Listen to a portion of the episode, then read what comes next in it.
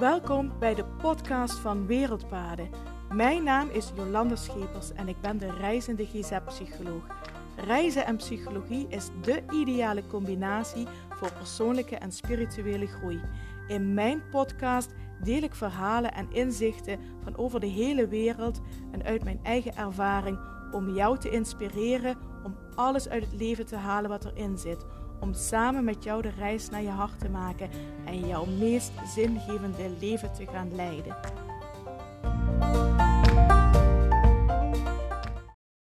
Hallo, hallo en super fijn dat je weer luistert naar de podcast van Wereldpaden. En het is vandaag donderdag 16 juni 2022. Het is alweer donderdag ondertussen. En uh, mijn werkweek is, uh, mijn eerste werkweek is al over de helft. En ik moet zeggen, ik, uh, ik geniet ervan.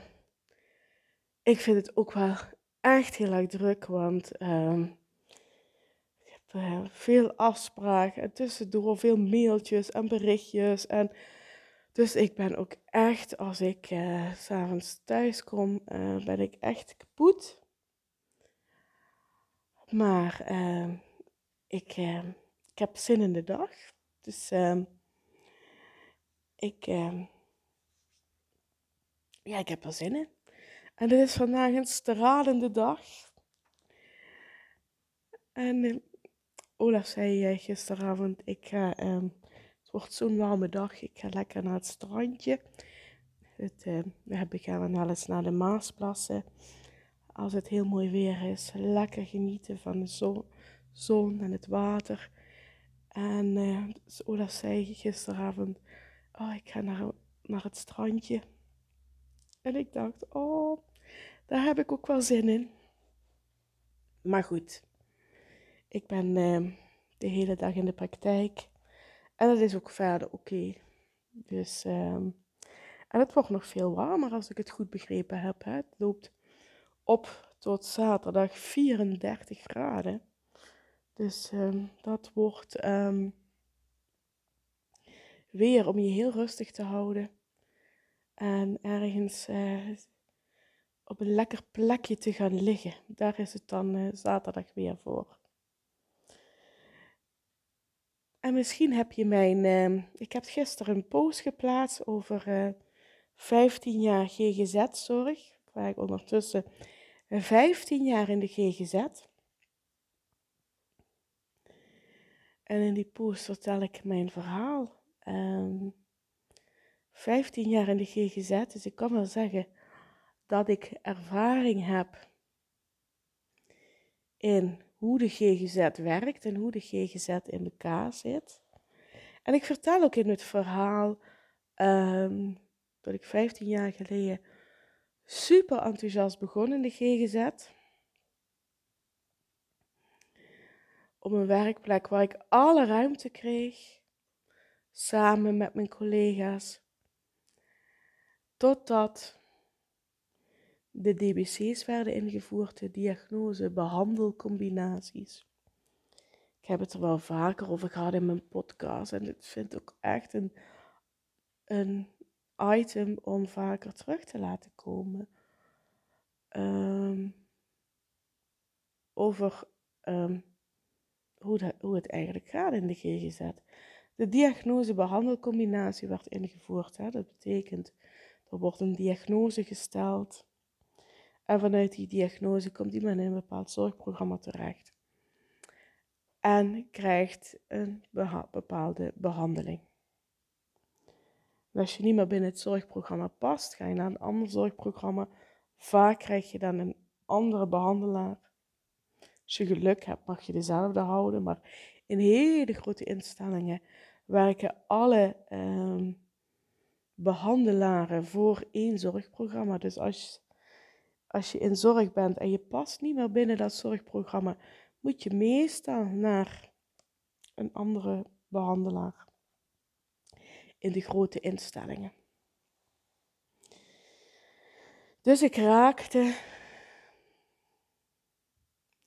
mijn motivatie wel kwijt. waar ik werkte hadden we niet zozeer die zorgprogramma's, maar we hadden wel, mijn baas wilde wel dat we alleen maar protocolaire behandelingen ehm, deden. En er is niks mis mee met behandelmethodieken. Ja goed, hè, dat is ons vak. Hè, welke verschillende behandelmethodieken zijn er en welke zet je in. Maar ik heb niks met, ik heb niet zoveel met standaard protocollen. Als je als A, dan moet je B. En, en, daar heb ik niet zo heel veel mee, moet ik heel eerlijk zeggen. En ik kan me herinneren dat we destijds ook een behandelprotocol hadden voor de eerste lijn, kind en jeugd. Toen bestond de eerste lijn nog, dat bestaat ondertussen niet meer. En um, dat behandelprotocol was voor kinderen van 6 tot 16 jaar, dat vond ik al best bijzonder. Dat je en iets kunt maken wat een 6-jarige aanspreekt, en ook nog een 16-jarige aanspreekt en alles wat er tussenin zit. Ik denk, hoe kan dat dan? Hè? Want volgens mij is uh, de belevingswereld van een kind van 6 en de belevingswereld van een jongere van 16 een enorm contrast. Dus ik vond het al heel bijzonder dat je daar één uh, werkboek, protocolaire behandeling van kon maken. En ook nog voor alle problematiek. Echt, ja, schiet mij maar lek. Ik heb het nooit begrepen, maar dat was een beetje tekenend voor de behandelprotocollen en de werkboeken. Dus ik had er echt helemaal niks mee. Dus ik raakte daarin ook wel mijn enthousiasme en mijn motivatie kwijt. En erger zelfs. Um, ik dacht, hoe kan ik als psycholoog verantwoordelijk zijn voor het behandelproces? Want dat, dat ben je als je GZ-psycholoog bent. En ik kan niet achter de behandeling staan. Dat kan toch niet? Dus dat, um, ja, dat was voor mij de reden om um, eigen praktijk te beginnen.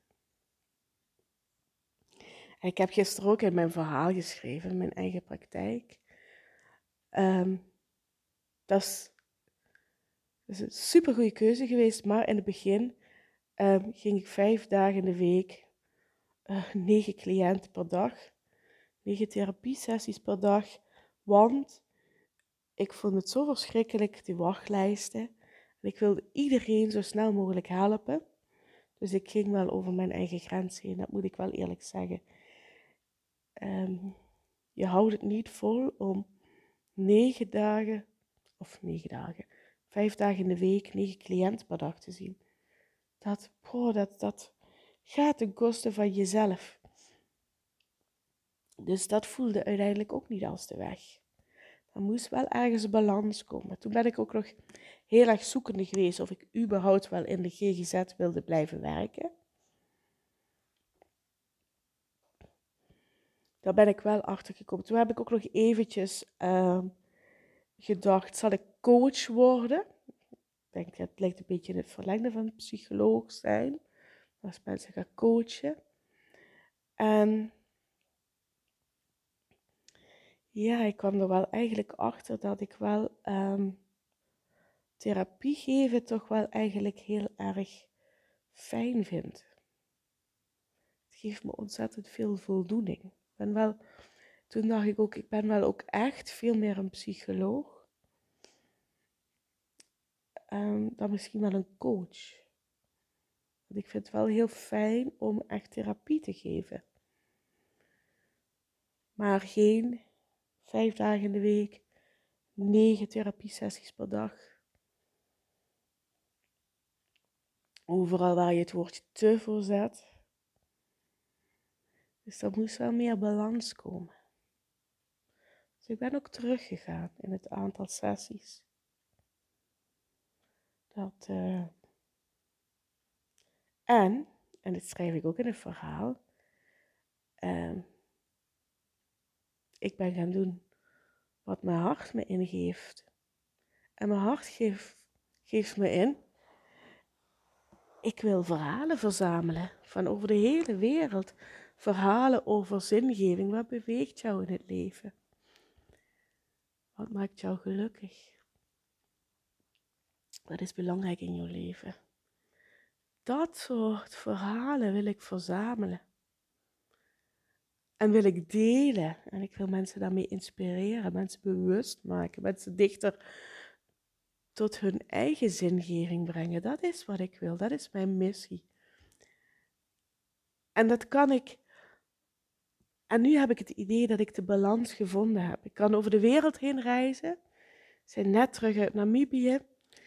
daar hebben we prachtige, maar ook ontroerende, heftige verhalen gehoord. We hebben hele mooie opnames gemaakt. We zijn echt een verbinding aangegaan met de mensen die we daar ontmoet hebben. En die verhalen kan ik delen. En ik kan mensen daarmee inspireren. Mensen bewust maken. En of ik dat nu doe in een therapiesessie, of in een training, een workshop, een lezing, of tijdens het retreat, dat maakt allemaal niet uit. Ik vind dat allemaal, ja, ik word er allemaal enthousiast over. En ik heb het afgelopen zaterdag mogen ervaren toen ik een lezing mocht geven op uh, het Happy Spirit Days Festival. En toen heb ik ook verteld over, over de bosjesmannen en over de himba en over wat hun beweegt in het leven. En, maar ook waar zijn we heen op zoek? Reis naar zelfinzicht. Hoe kom je dichter bij jezelf? Wie ben je eigenlijk? Wie ben ik? En vervolgens de vraag, wat wil ik? En dat zijn zulke essentiële vragen.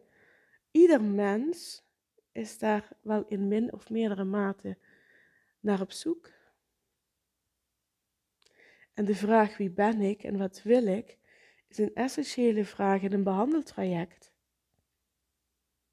Altijd vind ik, vind ik echt.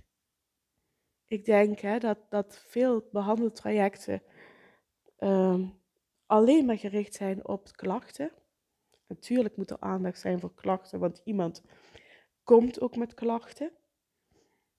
Niemand komt naar de psycholoog en zegt: Ik wil weten wie ik ben en wat ik wil. Maar mensen komen met klachten van: Ik voel me depressief. Ik heb nergens meer zin in. Ik kan niet slapen. Ik voel me constant gestrest. Ik voel me constant gespannen. Ik heb last van paniekaanvallen. Ik voel me constant angstig. Ik kan niet meer werken van de stress. Ik kan me niet meer concentreren. Dat zijn allemaal klachten waar mensen mee komen.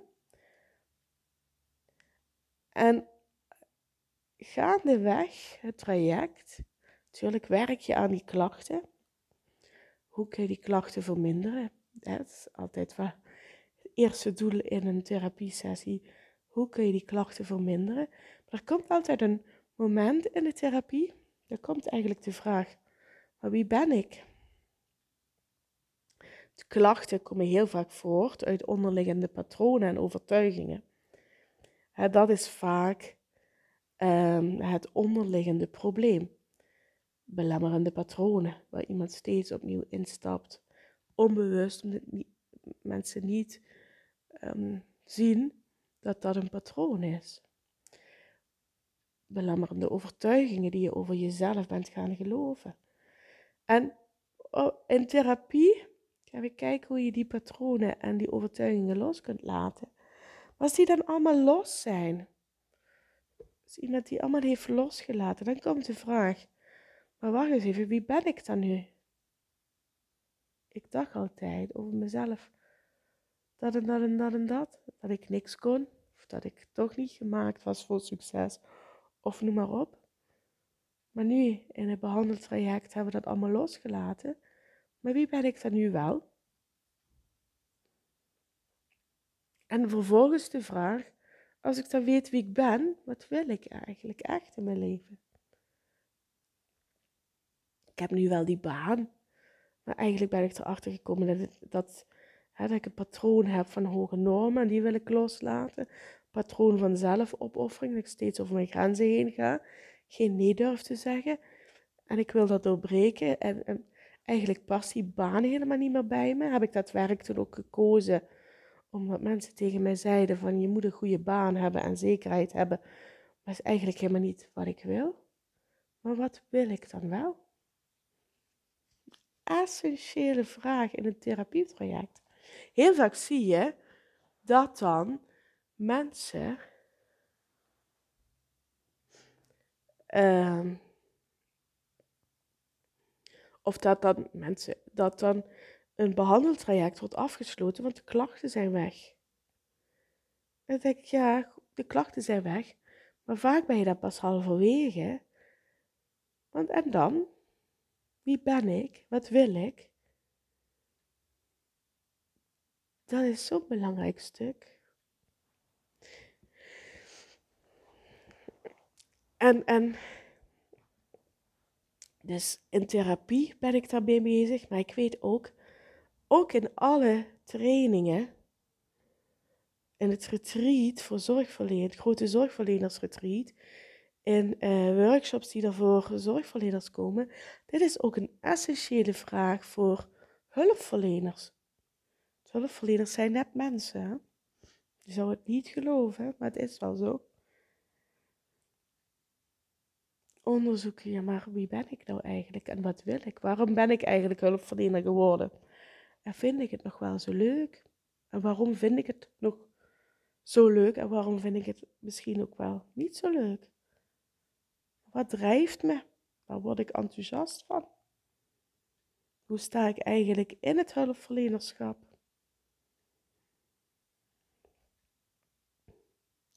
En daarnaast weet ik ook dat heel veel mensen bezig zijn met bewustwording, met, ja maar wie ben ik nou eigenlijk en wat wil ik?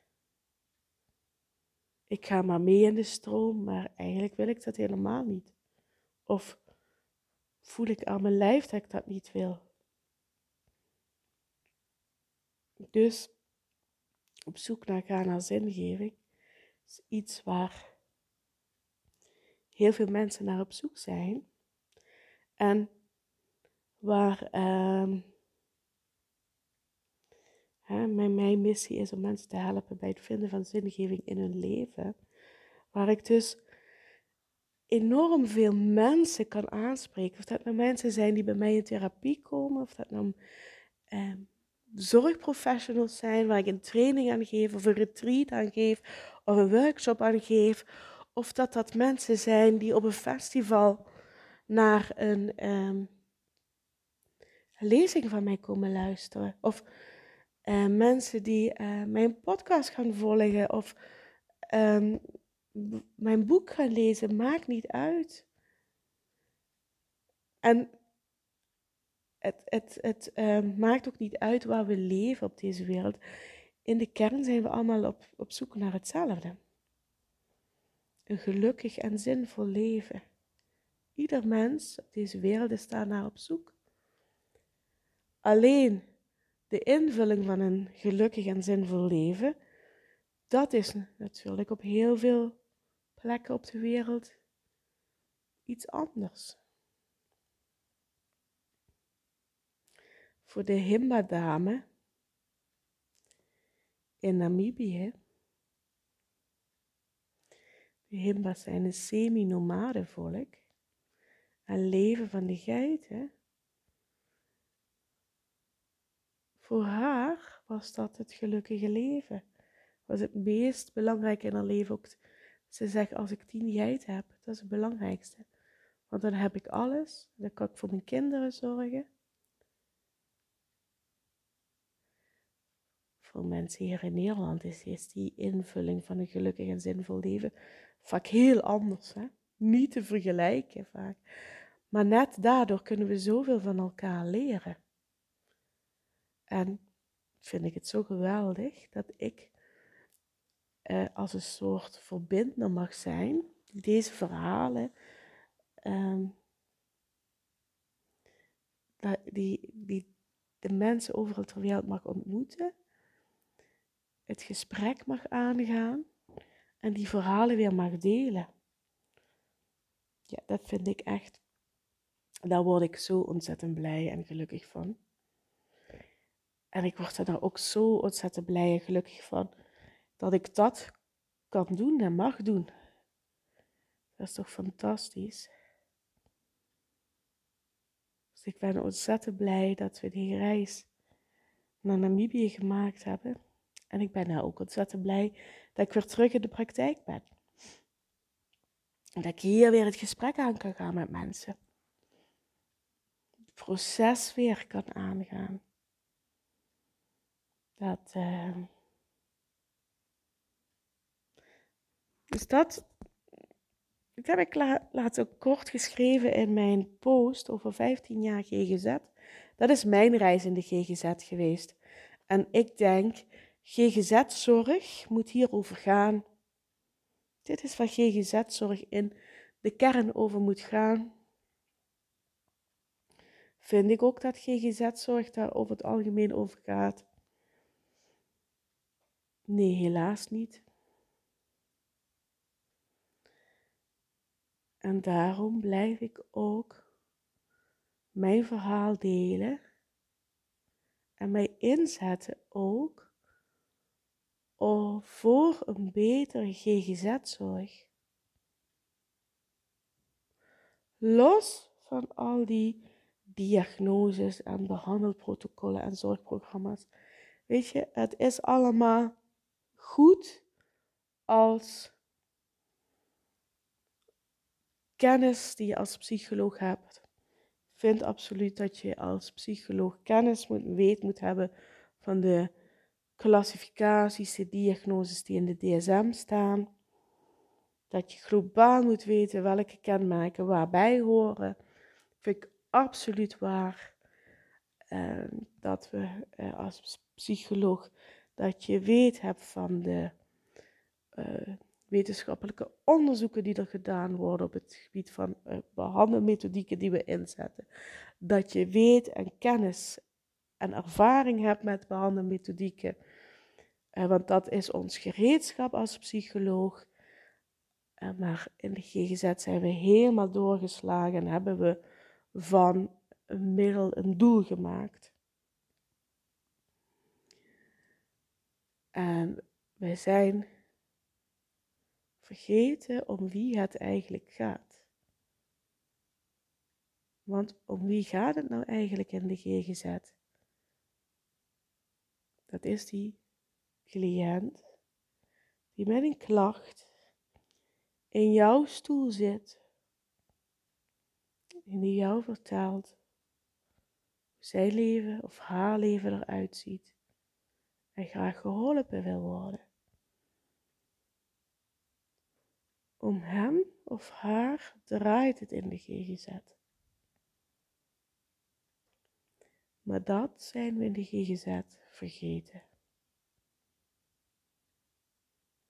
Nou, een heel verhaal.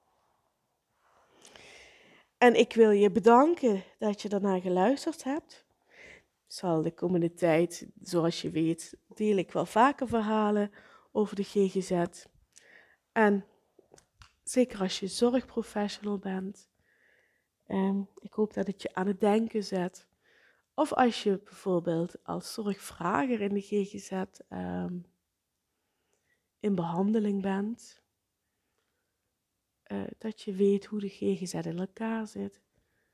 En misschien heb je wel helemaal niks met de GGZ te maken. Dan zeg je, oh, maar dat wist ik helemaal niet. Heel veel mensen die helemaal verder niks met de GGZ te maken hebben, zeggen, oh ja, maar ik wist helemaal niet dat dat zo in elkaar zat.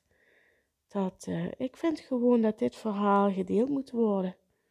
Dat mensen moeten weten wat er in de GGZ speelt. Dus uh, ja, dat is het verhaal wat ik vandaag met je wilde delen. Ik zeg ook dankjewel voor het luisteren. En mocht je vragen of opmerkingen hierover hebben, laat het me dan alsjeblieft weten. Stuur me een berichtje via social media of een mailtje naar info.wereldpaden.nl. En je mag me ook laten weten wat je van deze podcast vindt. Hoor ik heel graag. En ik zou zeggen, geniet van deze prachtige, stralende dag. En dan spreek ik je morgen weer. Groetjes, doei doei.